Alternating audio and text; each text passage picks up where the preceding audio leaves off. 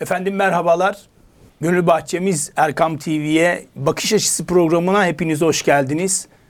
Ben Deniz Ahmet Akay Azak. Bugün çok önemli bir konuğumuz var. Üsküdar Üniversitesi Kurucu Rektörü Profesör Doktor Nevzat Taran hocamızla birlikteyiz. Değerli hocam hoş geldiniz. Hoş bulduk. Nasılsınız? Çok şükür teşekkür ederim. Allah güç kuvvet versin. Sağ ol.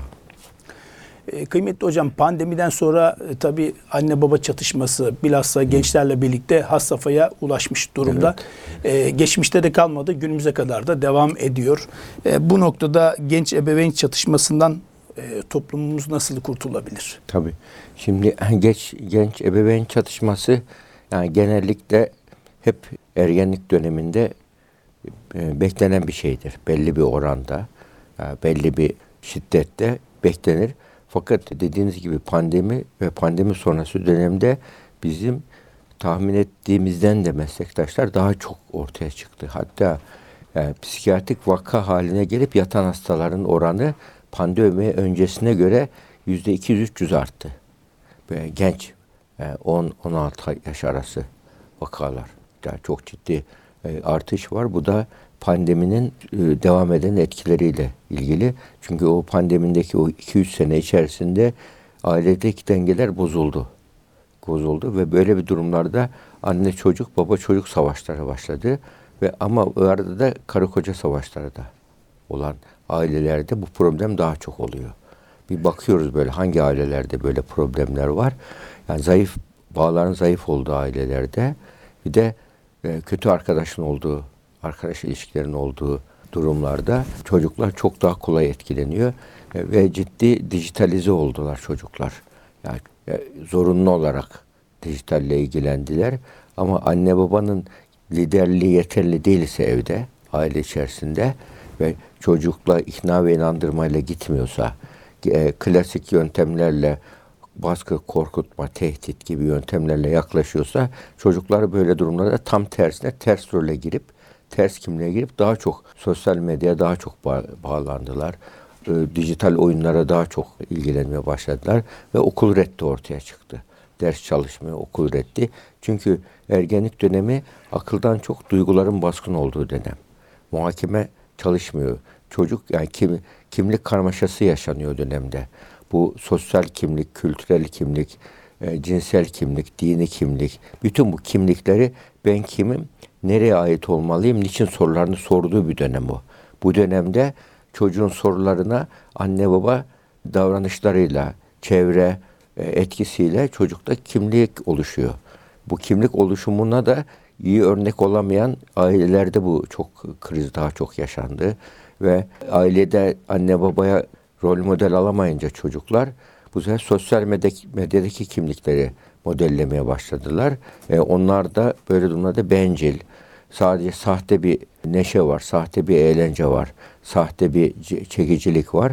Bu çekilicinin etkisinde kaldılar. Çocuklar pandemi dönemindeki ergenliğe giren çocuklar ciddi bir risk altında onu diyebiliriz yani böyle durumlarda. Bu noktada acaba gençler ve aileler birbirlerini tanımıyorlar mı hocam? Tabii bu böyle durumlarda birbirlerini tanısalar bile yanlış yöntem kullanıyorlar. Yanlış yöntem. Yani çocuğa ikna ve inandırma yöntemi yerine bir anne bir baba çocuğuna ayıp, günah, yasak gibi kısıtlamalarla çocuğunu vazgeçirmeye çalışıyor. Mesela modemini çektiği için annesini bıçaklayan çocuk var. 25 saat bilgisayar karşısında oturarak kalp krizi geçirip ölen vaka var Kore'de. Yani bu derece şey, vakalar var. E, bunların ama araştırdığımız zaman çoğu genç stres azaltma tekniği olarak buna yöneliyor. Mutlu değil. Oraya girince kendini sahte bir mutluluk var orada. Çekici, sürükleyici, kolay ulaşılabilir, elverişli bir ortam. Bu ortama giriyor, evin güvenli ortamında çok güvensiz şeyler yapıyor. Çocuk da yani gözümün önünde çocuk diyor anne baba, ilgilenmiyor çocukla. Yani anne babayla zaman geçiremeyen çocuklarda çok oluyor bu. Küçük yaştan itibaren anne ile çocuk arasında, baba ile çocuk arasında o nitelikli beraberlik dediğimiz böyle yol arkadaşı gibi bir arkadaşlık olsa yol arkadaşında ne vardır? Bir hedef vardır. O hedefe giderken birlikte konuşulur. Yani fazla Yani arkadaş dediğin zaman aşırı laubali olmak anlamında anlamamak gerekiyor. Hayat yolunda giderken anne babanın yani karı koca nasıl refik refika olur birbirine, e, anne babanın da çocuklara yol arkadaşı olması, hayatı tanıtması, öğrenmesi, yanlışı konuşması, doğruyu konuşması, gelecek projeksiyonu geliştirmesi, hayatta yaşam amacı nedir, hayat nedir diye çoğunun sorularına cevap vermesi. Bu konuşulabilir olan ailelerde, çocuğuna zaman ayıran ailelerde bu problem anne baba eğer bilinçliyse büyü- büyümeden hafif aşılıyor problem. Yani burada anne babanın aynı ortak dil kullanması çok önemli. En çok da anne farklı, baba farklı oluyor. Mesela disiplin ve sevgi dengesizliği oluyor. Mesela disiplin çok olur, sevgi az olursa çocuk psikopat oluyor zaten. Suç seri katil gibi oluyor. Disiplin çok ama sevgi az. Çocuk her şeyi vurarak, döverek halletmeye çalışıyor. Bu en tehlikelisi. Bazı durumda tam tersi oluyor. Sevgi çok, disiplin gevşek. Burada da çocuk ne oluyor? Yani hayatında rehber olmadığı için, yol gösterici olmadığı için çocuk canının istediği doğru zannediyor. Hoşuna giden iyidir, gitmeyen iyidir. Bana uyan iyidir, uyuman kötüdür diye bir şey oluşuyor. İyi ve kötü, doğru yanlış öğretmiyor anne baba. Gevşek disiplinde oluyor. Eğer bilmiyorsa ebeveynler bu dengeyi nasıl E, bu sağlayabilir? işte bunu e, bilmiyorsa öğrenecek. Annelik babalık yatırım gereken bir şey. Annelik babalık hani ci- cinsiyet biyolojik. E, Eşleşme biyolojik ama evlilik kültürel. Evliliği öğreniyorsanız evlilik olgunluğuna sahip olacaksınız. Ve evlilikteki amacın ailenin iyiliği için neler yapmam gerekir düşünerek hareket etmek gerekir.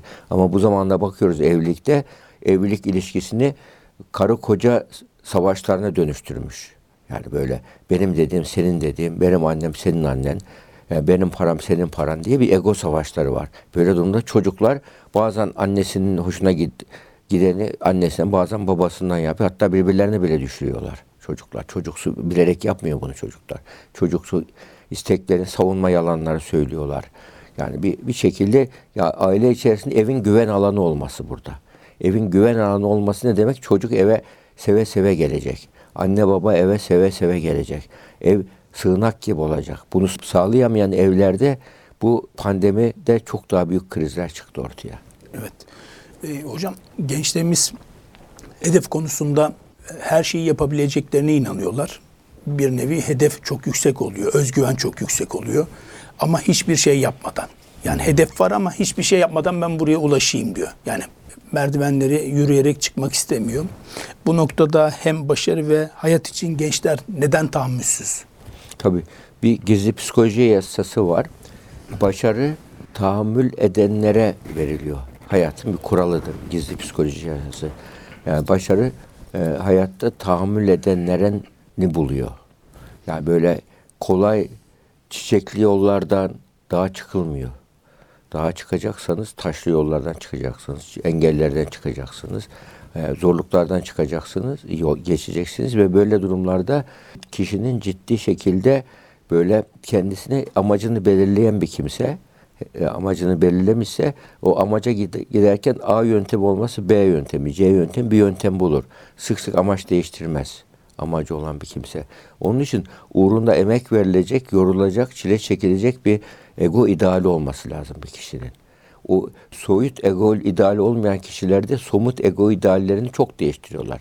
Mesela araba almak alamıyorsam şunu şunu yatırım yapayım, o olmuyorsa bunu yapayım diye sık sık değiştiriyor. Ama bir yüksek hedefi olan bir kimse, yani burada da nasıl bir hayatın sonunda nasıl bir insan olmak istiyorsun? En yüksek hedef bu. Yani ne, mazer taşına ne yazılmasını istiyorsun? Mesela bu tarzdaki bir soyut hedef, yani hedef piramidin olacak kişinin. Hedef piramidin en tepesinde soyut hedefler. Nasıl bir insan olmak istiyorsun diye. Ondan sonra somut hedefler işte evim olsun, arabam olsun, işim olsun, şöyle olsun, böyle olsun. Onlar ikinci sırada geliyor. Çünkü insan beyninin çalışma sistemi amaçlanmış, niyetlenmiş davranışa göre çalışıyor beyin. İnsan beyin niyetlenmiş davranışa göre bir amaç belirliyorsun. Ona göre niyetleniyorsun. Niyetine uymayan bir yoldan çıkarıcı, çeldirici, baştan çıkarıcı bir şey geldiği zaman eğer senin hedefin varsa ona hayır diyebiliyorsun.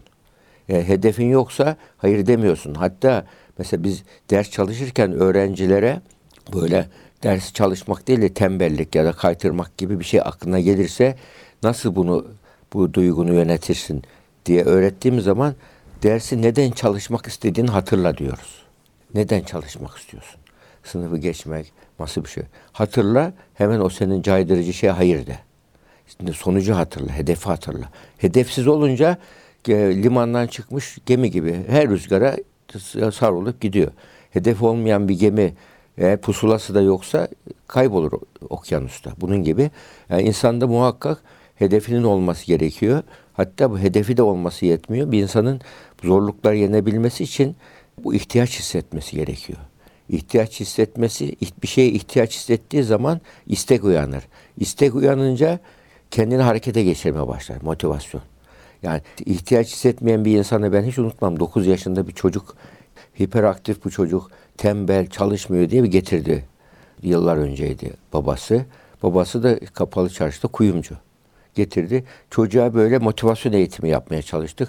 Çocuk bizim psikolog arkadaşı demiş ki elini cebine atmış bir tomar dolar çıkarmış. Ya zaten bu kadar bu yaşta bile bu kadar param var. Ben niye çalışayım ki demiş. Bak. Yani baba orada çocuğa ben sıkıntı çektim o çekmesin diye bol imkanları verince çocuğun emek vermeden, yorulmadan, bedel ödemeden elde edecek imkanım var diye hep böyle gidecek diye düşünüyor. Çocuk zihni düşünür onu. Yani burada çocuğun kusuru yok. Anne babanın kusuru. Büyüklerin kusuru. Onun için hayatta e, alın teriyle kazanmak, emeğiyle kazanmak, yani onuruyla yaşamak için çok gerekli. Yani bir kimsenin onuruyla yaşamak, başı dik dolaşmaktan daha güzel bir şey yok bir insan için hayatında bir, bir şekilde. İşte buna çocuğumuza bunu öğretebilmek yani iyi bir eğitim vermek ona iyi bir fabrika vermekten daha önemli çocuğa. Yani iyi fabrika verirsin ama çocuk iyi eğitim almadıysa onu çarçur eder. Ama hiç büyük bir fabrika veremezsin belki. Küçük bir sermaye verirsin ama iyi eğitim verdiysen onu alıp, alıp götürür. Yani bu nedenle burada bütün şey burada e, işte sadece baba değil anne. Anne babanın ortak bir dil kullanması. Yani bir ailenin en büyük üretimi bir fabrika kurmak değil, iyi insan yetiştirmektir. İyi evlat yetiştirmektir. Teknoloji, Ondan büyük bir üretim yok. E, değerli hocam teknoloji, dijitalizm, e, bu oyunların da etkisi muhakkak söz konusu değil Tabii. mi? Ya bunlar bir şekilde yani bu zamanın her zamanın şeyler var. Artısı var, eksisi var. Yani geçmiş zamanlarda yok muydu? Vardı ama mesela ne oluyordu? Komşusunun kızıyla evleniyordu. Babasının işini yapıyordu. Çok fazla böyle geleneksel olarak devam ediyordu bu asırlardır böyle. Ama işte bu Endüstri 1.0, 2.0, 3.0'la birlikte dünyada ciddi bir dönüşüm yaşandı, devrim yaşandı. Bu devrime ayak uydurmak gerekiyor. Yani bizim yapay zekaya karşı çıkamayız ki. Yani yapay zeka yani bir şey telefon gibi, şey gibi, araba gibi bir teknolojik araç.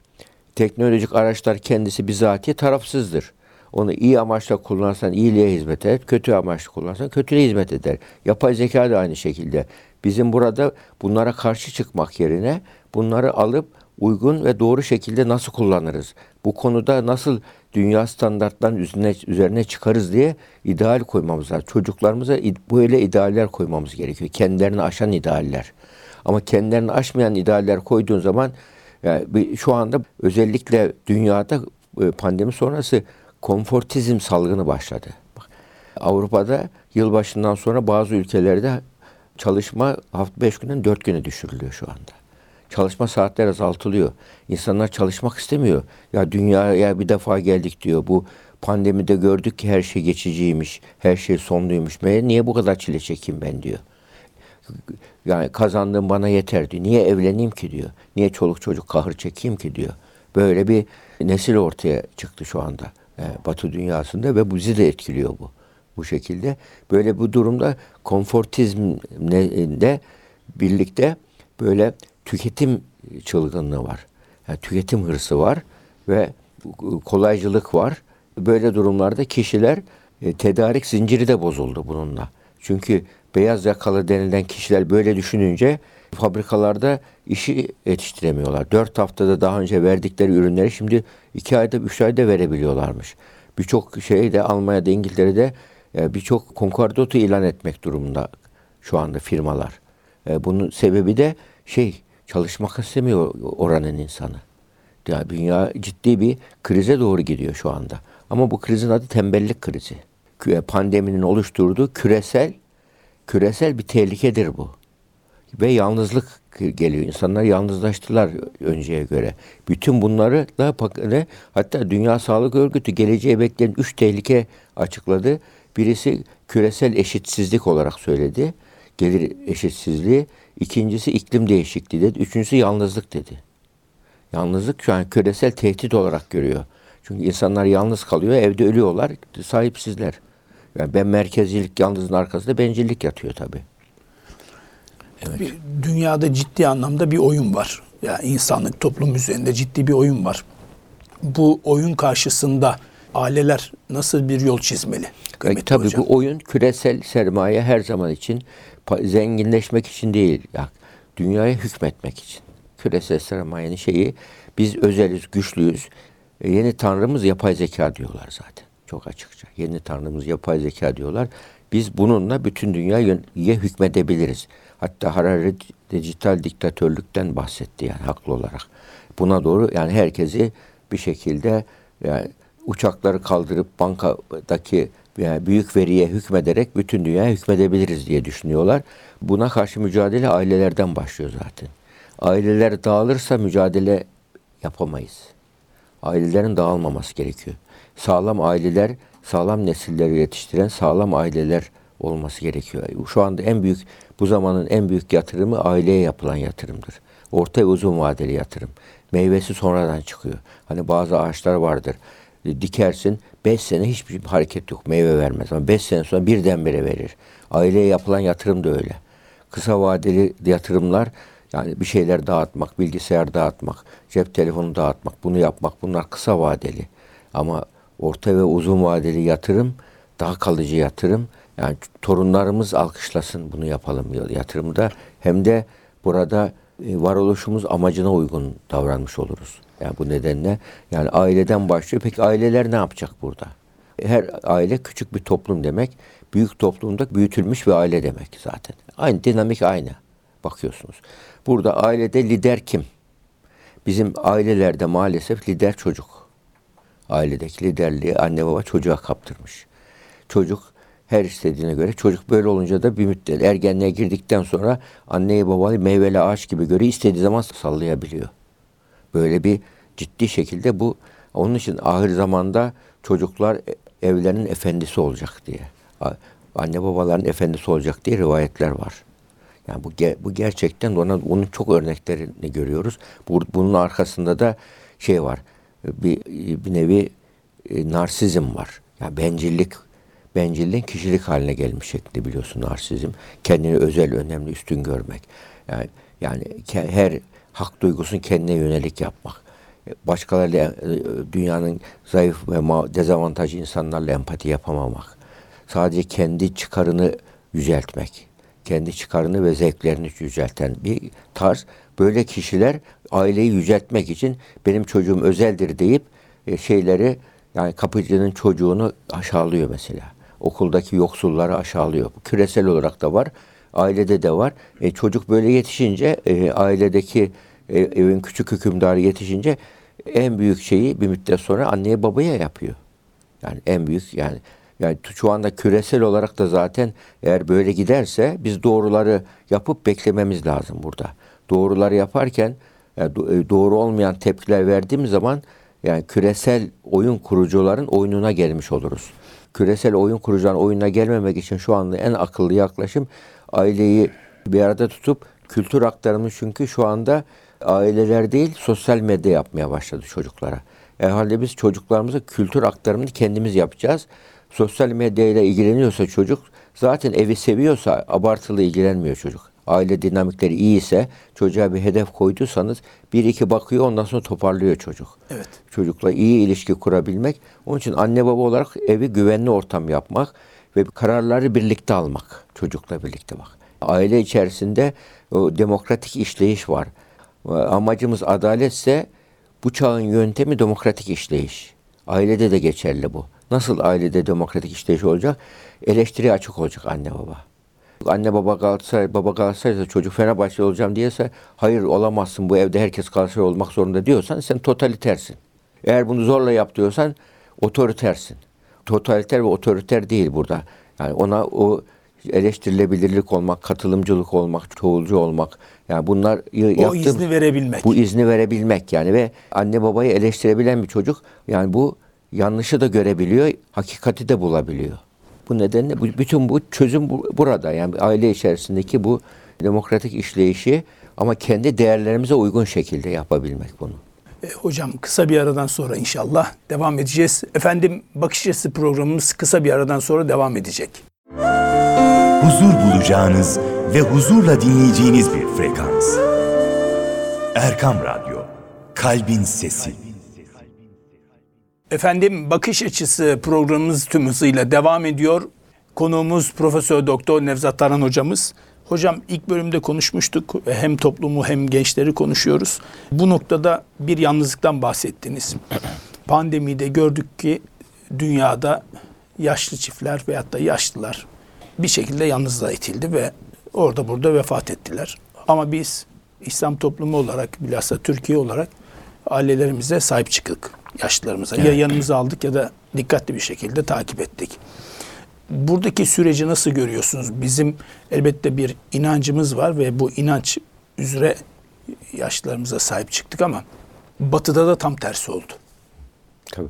Yani bizim bu tabii Türkiye'de de yani o pandemi döneminde hem toplum olarak hem de sağlık politikaları olarak yani ciddi şekilde dezavantajlı kişilere e, sahip çıkıldı. Yani onların ortada kalmaması için böyle durumlarda yani devlet de toplumda ciddi destek oldu. Ama devletin yapabileceği maddi altyapı sağlamak. Ama esas olan o kişilerin yani bütün yakınlarının da tanıyanların da devreye girip ona sahip çıkmasıydı. Onu da toplum yaptı. Yani bu şeyi dönemi daha dünyada daha az e, bir riski yaşayarak geçirdik diyebiliriz. Ama bizde de toplumda şu anda biz öyle bir e, kültürümüz ki yani kendi kültürümüzü değiştirerek modernleşmeyi seçti Türkiye son birkaç yüz senedir.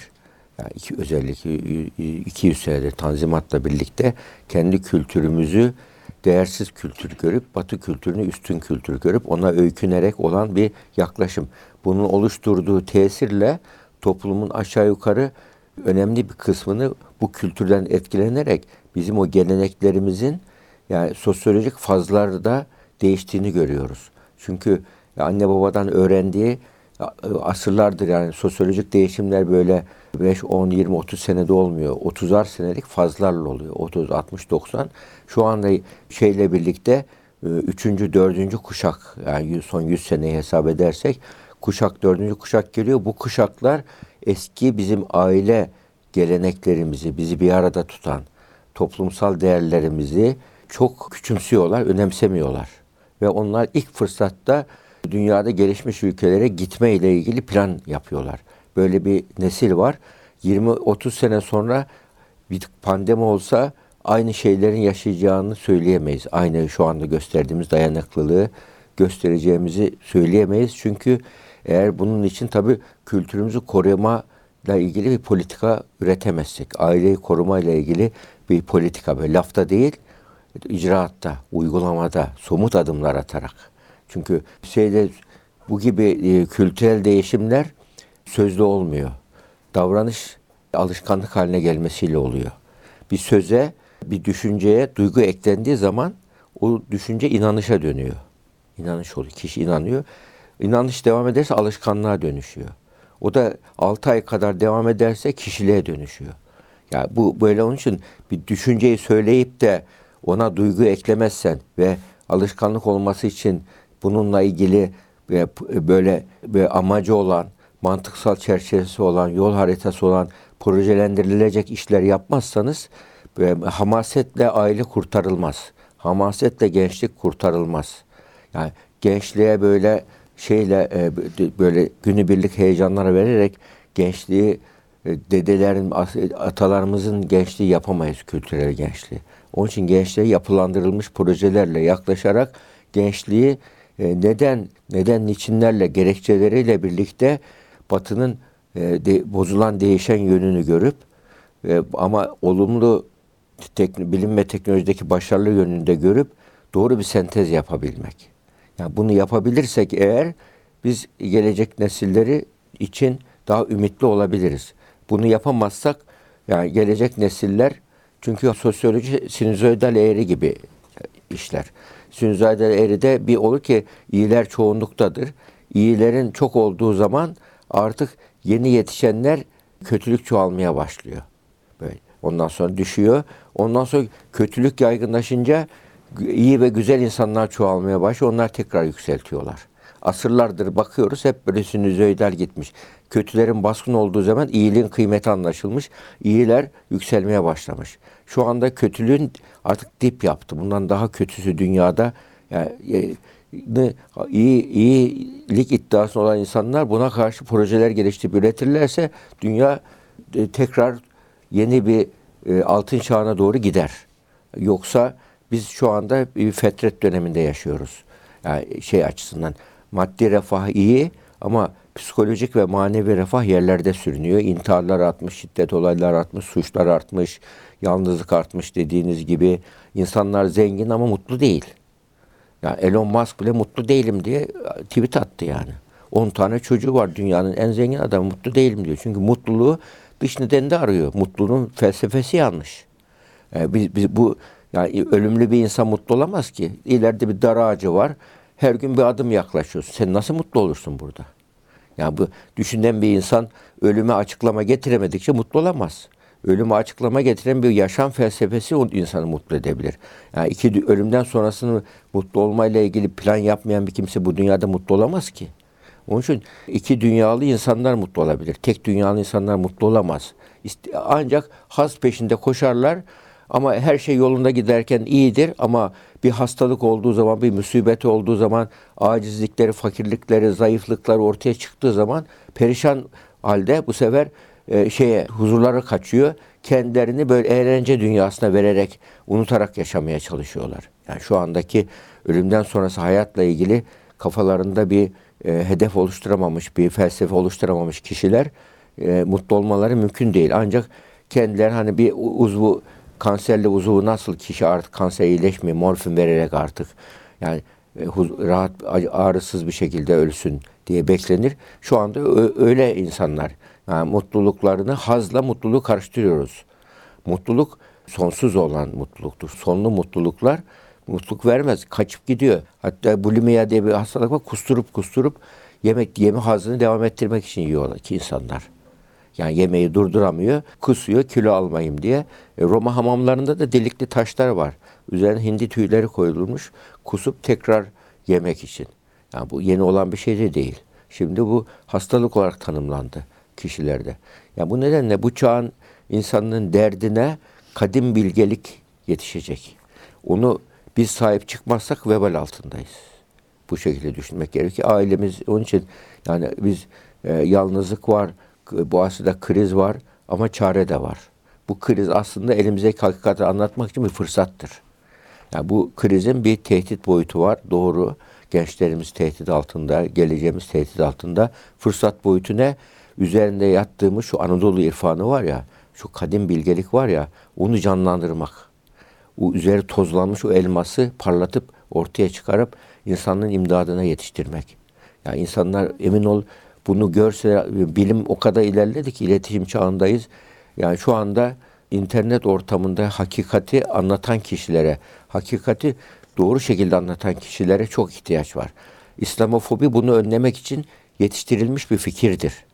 Bir psikolojik savaş ürünüdür İsl- İslamofobi. İnsanlar e, Kur'an'daki Kur'an'ın anlam ve kavramlarını öğrenemesin diye. Çünkü Kur'an-ı Kerim'e baktığımız zaman yüzde 95'i ne diyor?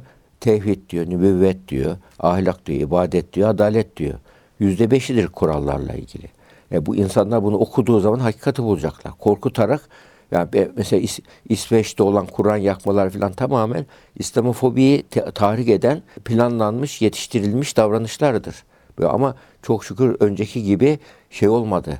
Ve buna karşı fiziksel insana fikir mücadelesiyle mücadele etme yolunu seçtiler küresel olarak. 11 Eylül'de de aynısı olmuştu. Ama en çok okunan kitap Kur'an-ı Kerim olmuştu. Tabii oluyor. İşte biz bu tembellikten kurtulursak daha hızlı gider bu süreç. Pekala hocam manevi atmosfer önemli. İkili dünya dediniz iki dünya. Refah seviyesi yüksek olan ülkelerde e, maalesef intihar oranları çok yüksek. Bizim ülkemizde de bir kısım gençlik tabi manevi atmosferi zayıf olunca modern, refah seviyesi yüksek olan ülkelere teveccüh ediyorlar. Bu noktada e, onlara ne söylemek istersiniz? Tabii şimdi şu anda şeydir yani teveccüh eden insanlara bakıyoruz. Türkiye'den de olsun, Afrika'dan olsun, Afganistan, Orta- İslam coğrafyasından gidenlere bakıyorsun. Fakirlikten gitmiyorlar onlar. Bak emin olun fakirlik değil. Hukuksuzluktan kaçıyorlar. Mesela Kuzey Afrika'daki devletleri düşünün. Hemen hemen hepsi böyle diktatörlükle yönetiliyor. Ya böyle durumlarda bir insan nebevi tarzı dikkat edelim bak İslam'ın Resulullah'ın hayatındaki o asr-ı saadet dönemi nebevi tarza dikkat ettiğim zaman yani hukukun üstünlüğü ilkesi orada geçerli biliyorsun. Mesela en şey orayı Ebu Cendere olayı.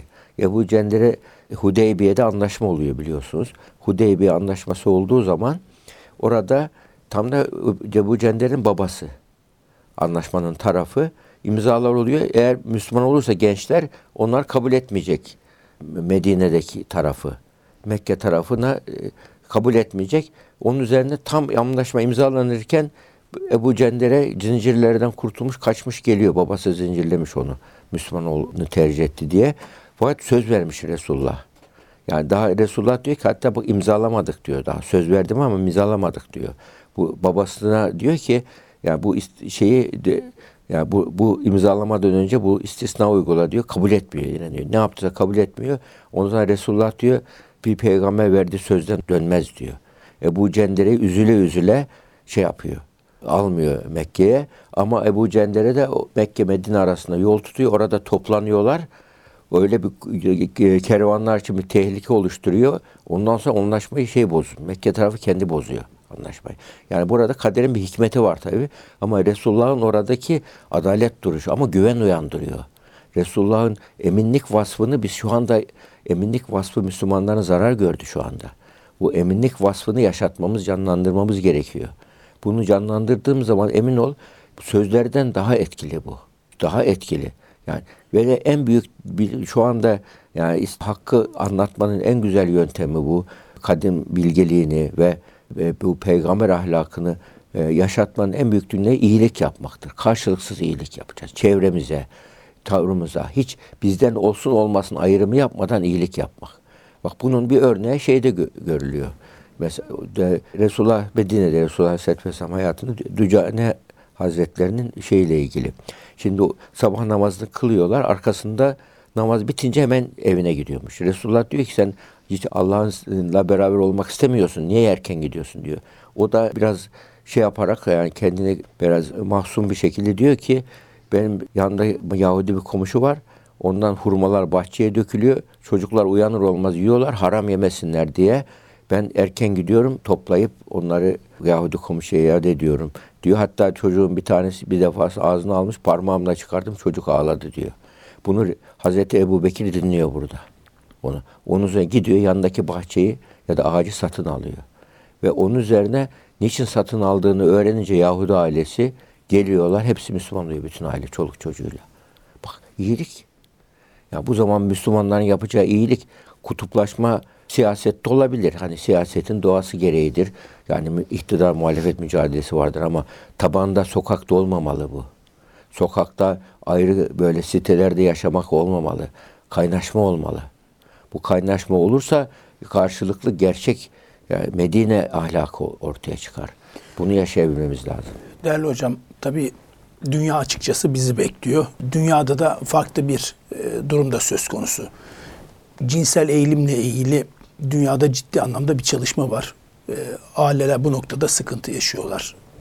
Ne söylemek istersiniz? Yani dünyada cinsiyetsizlik projesi var. Yani cinsel kimliği yok sayma. İnsan cinsel kimlik şöyle biri biyolojik cinsiyet doğuştan genlerle geliyor. XX, XY olarak genlerle geliyor. Bu genetik olarak hatta kromozomu var bunun. İkincisi cinsel kimlik.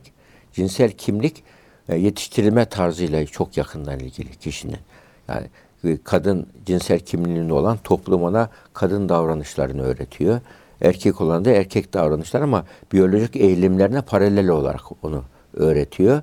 Bu cinsel kimliği oluşturuyor. Kıyafetten tutun da böyle kendini ifade biçimine kadar cinsel kimlik bu genetik değil epigenetik diyoruz. Yani epigenetik yani e, hayatın genlerde yaptığı böyle kalıcı olmayan değişikliklerdir.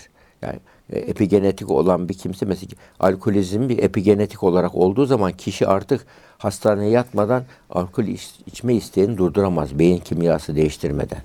Durduramaz artık. O, o beyin onun ihtiyacı gibi hisseder. Devamlı ise alkolizm oluyor o zaman.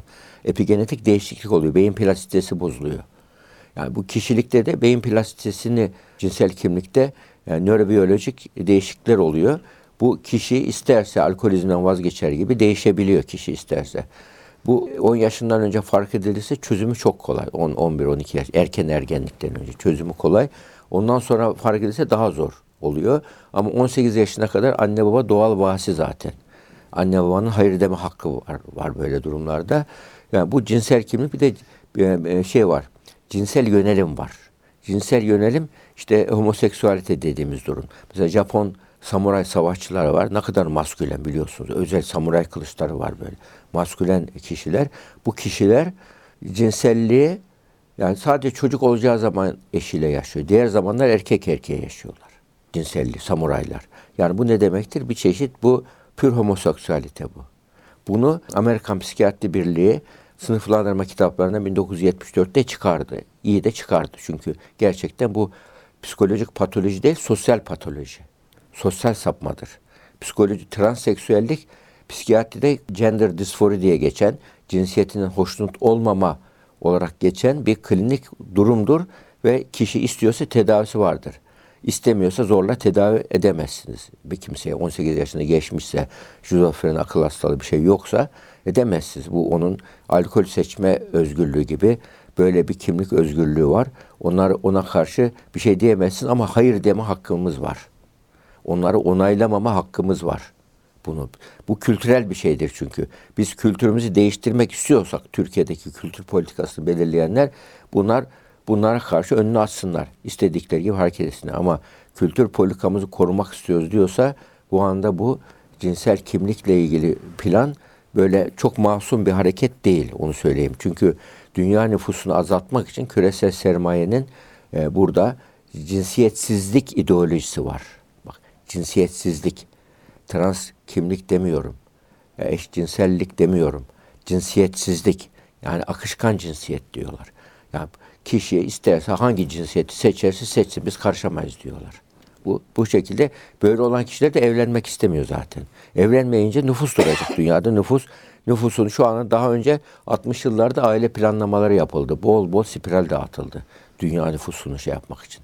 Türkiye'de de Batı Türkiye'de bu işe yaradı, Doğu'da yaramadı mesela. Doğu'da spirali oradaki vatandaş güvenmedi, uygulamadı ama bu ba- Batı Türkiye'nin batı bölümlerinde çok yaygın uygulandı, amacına ulaştı.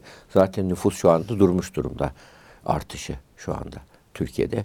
Yani 20-30 sene sonra Türkiye'de Almanya gibi olacak yaşlı bir ülke olacak. Bu o konuda başarılı oldular aile planlamasında.